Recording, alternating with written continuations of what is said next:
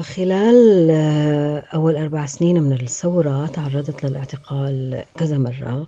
أهلي ما بيعرفوا أنا وين. حرفيا نحن بنختفي. طول فترة الاعتقال لحتى نتحول على الفرع. دائما يا إما في تعذيب يا إما في عم نسمع أصوات تعذيب طول الوقت طول الوقت. كان هذا صوت السيدة رويدة كنعان الشاهدة بمحكمة كوبلينز ضد الضابط السوري أنور رسلان. تروي لنا بعضا مما عاشته في المعتقلات السورية. قضية الضابط السوري أنور رسلان والتي امتدت لنحو سنتين ونصف السنة وبعد جلسات ماراثونية في محكمة كوبلينز نطق الحكم عليه. في الثالث عشر من يناير كانون الثاني بالسجن مدى الحياة لإدانته بارتكاب جرائم تعذيب وقتل بحق معتقلين سوريين. يفتح هذا الحكم باب تساؤلات كثيرة ما الذي يعنيه بعد عشر سنوات من الثورة والحرب السورية؟ وهل يمكن أن يتكرر هذا المسار ليستهدف مجرمي حرب آخرين على اختلاف انتماءاتهم والجهات التي يتبعون لها؟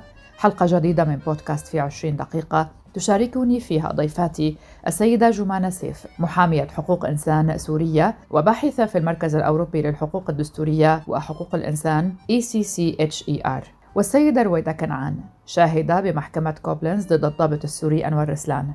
والصحفية السورية المقيمة بألمانيا لونا وطفي والتي واكبت جلسات هذه المحاكمة من أولها حتى آخرها. أهلا بكم معكم براء صليبي.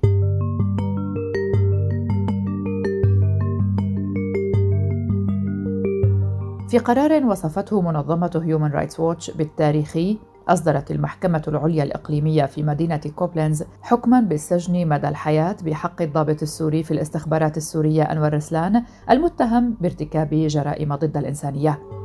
ولمحاكمة هؤلاء السوريين تطبق ألمانيا المبدأ القانوني للولاية القضائية العالمية الذي يسمح لقضائها بمحاكمة مرتكبي الجرائم الخطرة بغض النظر عن جنسيتهم أو مكان ارتكاب هذه الجرائم.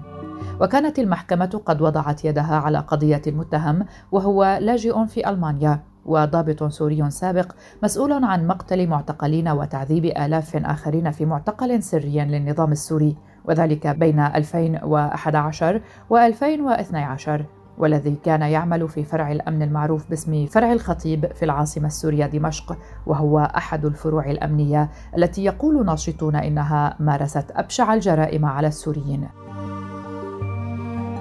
والتزم أنور رسلان الذي كان يرأس شعبة التحقيقات في الفرع 251 من جهاز أمن الدولة الواسع الانتشار التزم الصمت طوال جلسات هذه المحاكمة التي بدأت في الثالث والعشرين من نيسان إبريل 2020 وفي أيار مايو من نفس العام تلا محاموه إفادة خطية نفى فيها هذا الضابط السابق مشاركته في تعذيب المعتقلين وقتلهم. ومن فك وكلاء الدفاع يذكرون بأن موكلهم انشق في 2012 وحاول التخفيف من معاناة المعتقلين. وفي الواقع فإن رسلان لم يحاول إخفاء ماضيه عندما لجأ إلى ألمانيا مع عائلته سنة 2014 لا بل إنه طلب بنفسه من الشرطة في برلين أن تحميه في شباط فبراير 2015 وأخبرها بأنه كان ضابطا في المخابرات السورية. منذ بدء هذه المحاكمة مثل أكثر من ثمانين شاهدا أمام القضاء من بينهم 12 منشقا جميعهم أتوا من دول مختلفة في أوروبا للإدلاء بشهاداتهم بشأن الفظائع التي تعرضوا لها في فرع الخطيب. ضيفتنا الأولى السيدة جمانة سيف محامية حقوق إنسان سورية باحثة في المركز الأوروبي للحقوق الدستورية وحقوق الإنسان. سألناها عن دورها بهذه المحاكمة وكيف كان وقع هذه التجربة عليها وهي تستمع للشهادات. لمحاكمة الخطيب والحكم اللي صدر أهمية خاصة لأن أول مرة بتنظر محكمة بجرائم التعذيب والقتل والعنف الجنسي اللي ارتكبت بالمعتقلات السورية التابعة لنظام الأسد. دوري فيها كان هو دعم الناجيات والناجين الضحايا بالمعنى القانوني. وأنا كجزء من فريق المركز الأوروبي للحقوق الدستورية وحقوق الإنسان دعمنا بالمجمل 29 ناجي وناجية. 14 منهم كانوا مدعيات ومدعين مشتركين والآخرين كانوا شهود وشاهدات. بدأت العمل على هي الدعوة والتواصل مع الناجين والناجيات والاجتماع معهم ببداية عام 2020 يعني أربع شهور قبل بدء المحاكمة. وبدأنا نبني ثقة ومع الوقت بتصير علاقة من الصداقة. كنت حريصة على وجودي معهم بقاعة المحكمة أثناء إدلاءهم بشهاداتهم وخصوصا النساء. كتير التجربة صعبة وقاسية بالنسبة لهم بالنسبة لهم النبش بهي الذاكرة المؤلمة وإنه سرد كل التفاصيل المؤلمة اللي تعرضوا لها وأكيد مع الانفعالات والألم اللي بيرافقها. كانت كتير تجربة صعبة. وصعوبتها كمان بالنسبة إلي إني أنا قاعدة عم بستمع للي تعرضوا له لهدول الناس اللي كتير صاروا قراب إلي بعتبرهم إخوة. وأصدقاء وصديقات مقربات يعني بحكم سنتين نحن على تواصل دائم وفي مشتركات وفي ألم وهم مشترك. كان في بالنسبة لهم هم ودافع حقيقي إنه يظهروا هاي الحقيقة لكل العالم. إحساسهم بالمسؤولية تجاه المعتقلين والمعتقلات اللي تركوهم بالمعتقلات. إحساسهم بإنه هاي الجهود وهذا التعب ممكن يساعد ويقدم شيء على طريق العدالة. تجربة مهمة بمعنى النتائج اللي حصدتها ولكن فيها كثير آه، من الألم. بتمنى إنه وهذا اللي سمعته منهم كثير منهم إنه حسوا إنه هن ارتاحوا وحسوا بشيء من التعافي بعد إحساسهم إنه هن قدموا اللي لازم يقدموه. وهذا شيء له علاقة بالتعافي الشخصي بعد سرد هاي الوقائع وحصول على آه، نتيجة مرضية كانت بالنسبة لهم آه، بكل شهادة آه، قدمت بكل شهادة رويت بالمحكمة كان في قصة فظيعة قصة من التعذيب الوحشي. الاستهداف أكثر الأماكن أكثر الأعضاء بالجسم المؤلمة والضرب عليها. بالإضافة لهيك اللي مؤلم جدا هو التهديد النساء الدائم بالاغتصاب التحرش الجنسي للنساء والرجال عدم مراعاة أدنى الشروط الصحية اللي الواجب يعني مراعاتها. النساء ما تم تقديم لهم آه، فوط نسائية أثناء الدورة الشهرية. العنف الجنسي اللفظي يعني الإهانات الجنسية دائما آه، منادات الناجين والناجيات دائما بأسماء آه، نعتهم بأوصاف مؤذية للإمعان بالإهانة. كلها تفاصيل مؤلمة مؤلمة جدا. سألنا ضيفتنا أيضا هل يمكن أن نعتبر إدانة أنور رسلان حجر أساس لبناء عدالة إنسانية في القضية السورية؟ هو أبعد من الإدانة الفردية لأنور رسلان. لأنه المحكمة كانت لتثبت هاي المسؤولية الفردية عن هاي الجرائم. كان لازم تبحث وتحقق وتفحص كل الأدلة يلي بتشير لارتكاب جرائم ضد الإنسانية. وجرائم ضد الإنسانية يعني هي جرائم ارتكبت بشكل واسع النطاق ارتكبت بشكل ممنهج وكسياسة للنظام السوري اتبعها ضد المدنيين. كل حيثيات الحكم أوردت آه، كيفية ارتكاب هاي الجرائم وكيف صارت والوضع أو السياق العام بسوريا من السبعين إلى اليوم. وبعتقد آه، كلها هي حقائق ووقائع كتير مهمة يبنى عليها وبتأسس ويستفاد منها في محاكمات آه، تانية. وما بقى في داعي إنه ترجع تحقق بكل السياق وتفحص السياق كله لأنه صار واضح ومثبت بحكم قضائي من محكمة لا مصداقية ومحكمة حيادية. ورغم أن الحكم يعتبر سابقة عالمية بحسب ناشطين في حقوق الإنسان إلا أنه ليس استثناء. بمعنى أن الدول الأوروبية سبق وأن سارت في هذا المنحى تجاه أشخاص آخرين اتهموا بارتكاب جرائم حرب عندما كان البعض منهم في تشكيلات جبهة النصرة وفصائل الجيش الحر وآخرين ممن انتسبوا لتنظيم داعش. ومن المرتقب أن تنطلق في الأيام المقبلة في مدينة فرانكفورت الألمانية محاكمة أخرى على صلة بنظام الأسد. ونعني هنا الطبيب السوري علاء موسى المتهم بارتكاب جرائم حرب عندما كان في تشرين العسكري بمدينة حمص السورية. وقبل القضيتين المذكورتين كان القضاء الألماني قد حكم في فبراير شباط 2020 بالسجن أربع سنوات ونصف على المدعو إياد الغريب بتهمة المشاركة في اعتقال ثلاثين متظاهرا على الأقل في دوما كبرى مدن الغوطة الشرقية قرب دمشق في سبتمبر أيلول وأكتوبر تشرين الأول 2011 ومن ثم نقلهم إلى مركز اعتقال تابع لأجهزة الاستخبارات. في عشرين دقيقة مع براء صليبي. ضيفتنا الثانية السيدة رويدة كنعان وهي شاهدة بالمحكمة ضد أنور رسلان تشاركنا قصتها وما تعرضت له وكان سببا من أسباب وجودها في محكمة كوبلينز كشاهدة. آه، خلال آه، أول أربع سنين من الثورة تعرضت للاعتقال كذا مرة. بشهر من 2011 من مظاهرة بالشهر الثاني 2012 من البيت. بالشهر السادس 2013 يعني أخذوني عن الحاجز. بمجملهم كلياتهم هو الاعتقال سنة.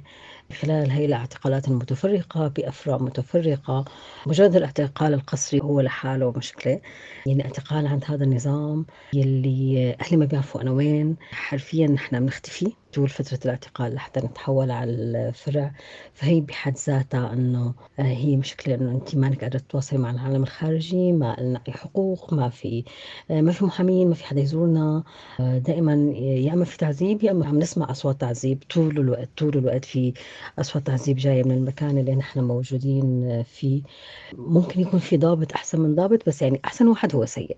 سألنا السيدة رويدة عن أصعب ما واجهته في هذه المحكمة. آه، كان الأصعب هي الشهادة الأولى لأن يعني كان فيها كتير تفاصيل سألوا عن كتير تفاصيل أدق التفاصيل اللي كانت عم بتصير معنا بالفرع. ف يعني كانت صعبة كتير. لكن بعدها صار آه، يعني أهدى إنه أنا بس ناطرة شو بده يصير وكل أسبوع بيبعتوا لنا تقرير. باللي صار لكن هي الجلسة الأخيرة كمان كانت هيك المشاعر فيها كتير مختلطة ما قدرت أفهمها. سألنا رويدة أيضا ما هي محكمة كوبلينز بالنسبة لها وما هو الدافع الأكبر للمشاركة في هذه المحاكمة. أهمية محكمة كوبلنز بالنسبة لإلي. هي أول محكمة على مستوى سوريا وهذا كتير كان مهم بالنسبة لإلي بأنه العدالة بعدها موجودة أو هي العدالة دخلت يعني على المستوى الدولي دخلت مرحلة جديدة. كتير مهم بالنسبة لإلي أنه ما هيش أنا على نفس الأرض مع مجرم من غير ما يتحاسب اللي قواني حقيقة أولا رغبتي بهذا الشيء.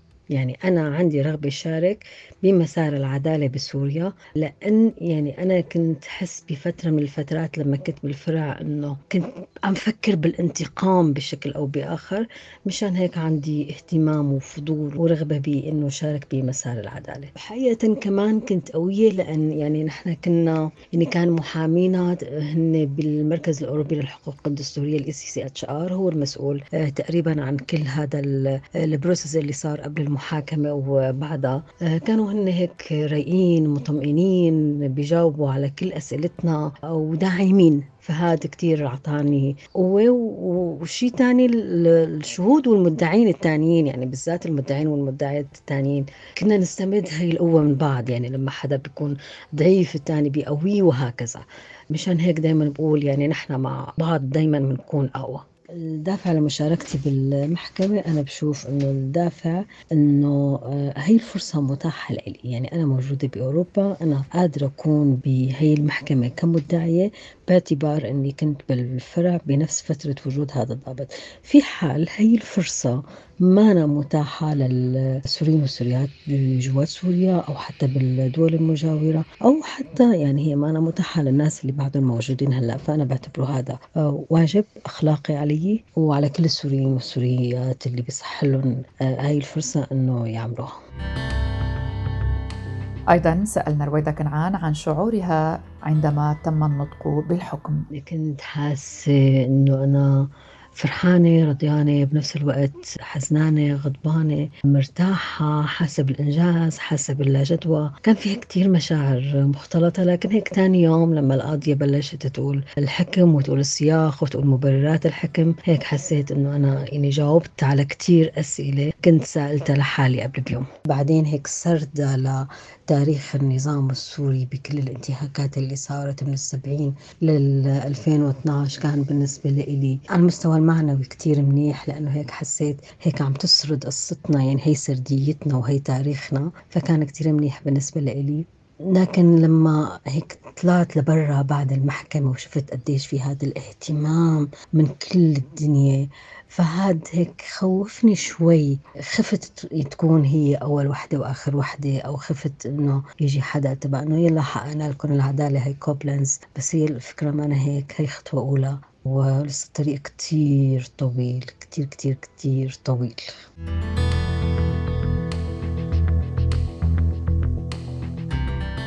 تعرف جرائم الحرب بحسب اتفاقيات جنيف بأنها تلك التي تنتهك قوانين الحرب وتشمل استهداف المدنيين والتعذيب وقتل أسرى الحرب أو إساءة معاملاتهم. أما الجرائم ضد الإنسانية فهي عبارة عن جرائم ترتكب كجزء من هجوم واسع النطاق أو منظم ضد المدنيين في أوقات السلم أو الحرب وتشمل الإخفاء القسري والقتل والاسترقاق أو العبودية والترحيل أو النقل القسري للسكان وعمليات الاغتصاب الجماعية الممنهجة. ومنذ عشر سنوات كان للحالة السورية نصيب أكبر من هذين النوعين وعلى الرغم من أن القسم الأكبر منها يرتبط بالنظام الحاكم والتشكيلات المسلحة المساندة له إلا أن جزءا منها ينسحب إلى بقية الأطراف الأخرى من غرب البلاد وشمالها وصولا إلى شرقها. وفي يوليو تموز 2016 أصدرت محكمة الاستئناف السويدية حكما على مهند دروبي بالسجن ثماني سنوات بسبب تعذيب سوري آخر عندما كان ضمن تشكيل الجيش السوري الحر وبعد ذلك وفي مايو أيار 2017 حكمت السويد أيضا بالسجن المؤبد على هيثم سخانة بتهمة إعدام عناصر من النظام السوري بعد انشقاقه. الآن نقف مع ضيفتي الأخيرة في حلقة اليوم الصحفية المستقلة والكاتبة السورية لونا وطفة وسألناها لماذا يعتبر بعض الناشطين أن هذا الحكم ليس استثناء وأن الدول الأوروبية سبق وسارت في هذا المسار؟ وما الفرق بينها وبين سابقاتها من محاكم دولية حصلت في السابق بالطبع سبق للدول الأوروبية القيام بالكثير من المحاكمات ولكن هل هي متشابهة لما حدث اليوم؟ بالطبع لا لأن المحاكمات السابقة كانت محاكمات النازيين كما نعرف وأيضا محاكمة الرئيس الصربي السابق ميلوزوفيتش ولكن هذا لا يعني أنها تتشابه مع المحاكمة التي حدثت الآن المحاكمات السابقة كلها حدثت بعد انهيار أو سقوط النظام ومن ثم تمت محاسبة مجرمي الحرب ومرتكبي الانتهاكات ضد الإنسانية الفرق الشاسع بين ما حدث في الماضي في الدول الأوروبية وما يحدث الآن في هذه المحاكمة أن هذه المحاكمة هي سابقة من حيث أن النظام السوري لما يسقط بعد ولا زال على رأس السلطة آه، هل هذا الاختلاف هو في صالح هذه المحاكمة؟ آه، هذا من الصعب آه، قوله لأنه بالطبع كان الأفضل أن تكون المحاكمات في محكمة العدل الدولية أو محكمة الجنايات الدولية آه، وأن تتم محاسبة كل الموجودين في رأس السلطة وكل مرتكبي الانتهاكات من كل الأطراف أيضا في سوريا. ولكن للأسف وجود الفيتو الصيني الروسي الذي يعرقل حتى الآن مسار العدالة في سوريا أدى إلى أن نسلك طريقا آخر وهو طريق الولاية القضائية العالمية. بواسطة الولاية القضائية العالمية آه، لا نستطيع العمل بها في محاكم جنائية دولية أو محكمة العدل الدولي ولكن المحاكم المختصة في الدول الأوروبية تستطيع العمل بهذه الولاية وتجريم الانتهاكات ضد الإنسانية حتى لو لم يكن المواطن أو آه، الشخص المتهم أو المدعي هم من أبناء هذه الدولة. أو هذه الجرائم لم ترتكب في حدود هذه الدولة. لذلك نحن أمام شيء استثنائي بالفعل العمل بالولاية القضائية العالمية بهذه الشروط التي أتحدث عنها عن وجود النظام استمراريته حتى الآن وتطبيق هذه المحاكمات فقط على الأشخاص الذين استطاعوا الوصول إلى أوروبا حيث لا نستطيع أن نطبقها على الأشخاص الذين لا يزالون في سوريا. بالطبع صدرت مذكرات توقيف بحق مجرمي حرب موجودين في سوريا. ثبت ارتكابهم لجرائم حرب وإبادة وتعذيب معتقلين من بينهم علي مملوك جميل الحسن وعبد السلام محمود وهم ثلاثة من أكبر رؤساء الأفرع الأمنية في سوريا. ولكن هذا لا يعني أنه من الممكن البدء بمحاكمات ضدهم لأنهم غير موجودين على الأراضي الأوروبية. وهذا الفرق بين ما حدث في الماضي في الدول الأوروبية وما حدث الآن في هذه المحاكمة. للمدان أنور الإسلام. سألنا ضيفتنا السيدة لونا أيضا لماذا استنكر البعض وذهب إلى أن المحاكمة تدعم نظام الأسد. لا أرى كيف من الممكن أن تكون هذه المحاكمة داعمة لنظام الأسد. أنور سلان كان يعمل كرئيس قسم تحقيق في فرع الأمن الداخلي. هو الفرع الذي كان مسؤولا عن الأمن داخل دمشق وريفها. جميع ما يتعلق بالأمن أي المعلومات الأشخاص الثقافة الفن الكتب كل ما يمكن أن يتناول أو يمس الأمن من أي جهة بحسب نظرة نظرة النظام طبعا كان هذا الفرع يختص بها وبالتالي هي الرقابة رقابة الدولة على كل المواطنين الموجودين في العاصمة دمشق وريفها. لا أفهم كيف من الممكن أن تعتبر هذه المحاكمة هي داعمة للنظام عندما تحاسب أحد العاملين لديه السابقين طبعا في فترة زمنية امتدت لستة عشر شهرا وأثبتت كل الجرائم التي ارتكبت في فرع أمني هو من أقوى الأفرع الأمنية التي تعمل لصالح النظام. آه، هو ليس أمن عسكري وليس أمن جوي هو أمن داخلي هو الفرع الذي كان له اتصال مباشر مع الرئاسة. لا أعتقد آه، أنه من الممكن التفكير بأي حال من الأحوال أن هذه المحاكمة كانت تخدم الأسد أو داعميه وخاصة أنه في تعليل الحكم الأخير الذي صدر من القضاة قاموا بتفنيد كل الجرائم التي ارتكبها نظام الأسد. ليس فقط ما بعد الثورة السورية ليس فقط ما بعد عام 2011 وإنما منذ استلام حافظ الأسد للرئاسة بانقلاب عسكري مرورا بكل ما حدث أثناء توليه للسلطة. وسيطرة حزب البعث وإطلاق يد المخابرات السورية للقمع وتخويف المواطنين السوريين وصولا إلى ما حدث في الثورة من جميع الانتهاكات والجرائم حقيقة بحق الشعب السوري. سؤالنا الأخير للسيدة لونا وطفي كان هل تعتبر الطريق الآن أسهل بعد هذه القضية لمكافحة أطراف آخرين متهمين في نظام الأسد عبر الولاية القضائية العالمية؟ الطريق لا يزال طويلا جدا للوصول لجميع مرتكبي الانتهاكات والجرائم في سوريا أثناء هذه الفترة من كل الأطراف وليس فقط من طرف النظام السوري لماذا؟ للأسباب التي سبق ذكرها بوجود الفيتو الصيني والروسي عرقلة طريق العدالة عن طريق محكمة الجنايات الدولية إلى آخره وبالتالي الولاية القضائية العالمية هي طريق بديل وليست الطريق الأساسي الذي كان يجب أن يسلك للأسف هي طريق بديل ولماذا هي محدودة؟ لأنها فقط آه، تستطيع العمل عندما يكون الأشخاص موجودون في الدول الأوروبية التي تقوم بهذه المحاكمات وبالتالي نحن نعلم أن النظام آه، لا يزال على رأس السلطة. آه، مرتكبي الجرائم لا يزالون في مناصبهم يمارسون نفس الانتهاكات حتى يومنا هذا. آه، ولا أحد يستطيع إيقافهم أو ردعهم. لا يمكن لمحاكمة واحدة مثل هذه أن تشل النظام السوري والأمن عن عن فعل هذه الانتهاكات. لا يمكن ذلك. هذا بعيد عن التصور. ولكن تطبيق العدالة يحتاج أولا لتغيير الوضع السياسي في سوريا. ثم من الممكن أن نتحدث عن محاسبات ومحاكمات ومرحلة عدالة انتقالية وجبر ضرر إلى آخره من هذه الإجراءات التي ستأخذ الكثير من الوقت.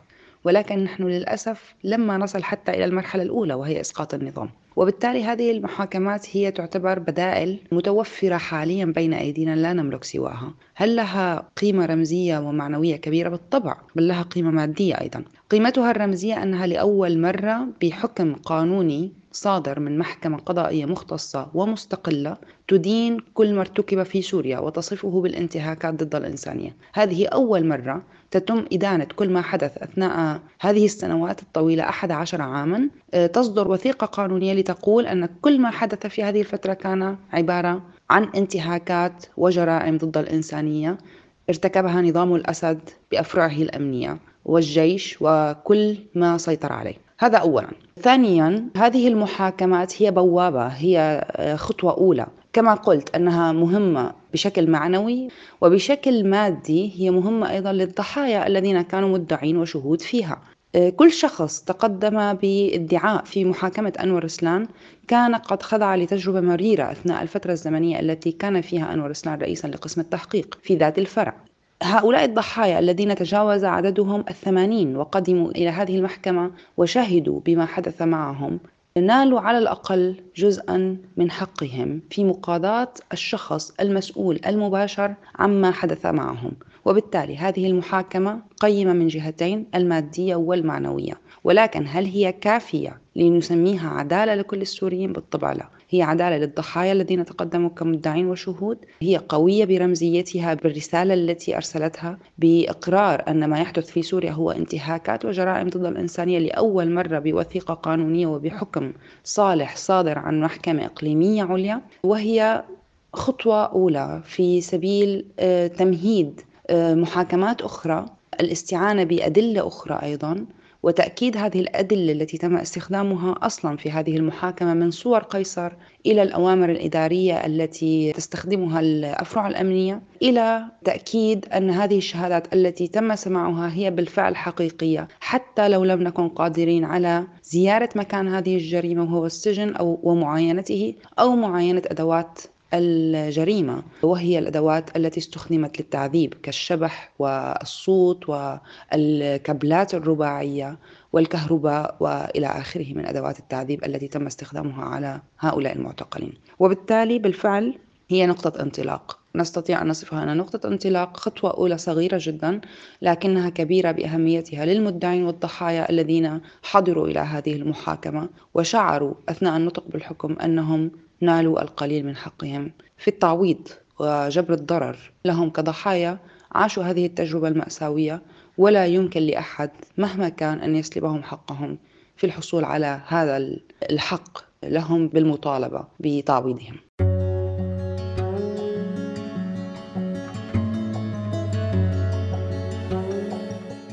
اتفق ناشطون في مجال حقوق الإنسان أن حكم المؤبد الصادر بحق رسلان يعتبر سابقة وخطوة هامة جدا لمحاسبة المجرمين في سوريا لكن ماذا بعد رسلان؟ يملك القضاء الأوروبي صلاحية المحاكمة على جرائم لم ترتكب على الأراضي الأوروبية وفق ما يعرف بالولاية القضائية العالمية التي تحدثنا عنها مع ضيوفنا في مارس آذار من عام 2021 تعهد وزراء خارجية 18 دولة أوروبية بالالتزام بضمان عدم إفلات تنظيم داعش والنظام السوري من العقاب وذلك على خلفية اتهامهما بارتكاب اعتداءات بالأسلحة الكيماوية وعمليات خطف وإخفاء. وقال الوزراء إنه في السنوات العشر الماضية قتل نحو 400 ألف شخص في سوريا بينما أجبر أكثر من ستة ملايين على الفرار من البلاد هربا من انتهاكات لا حصر لها لحقوق الإنسان.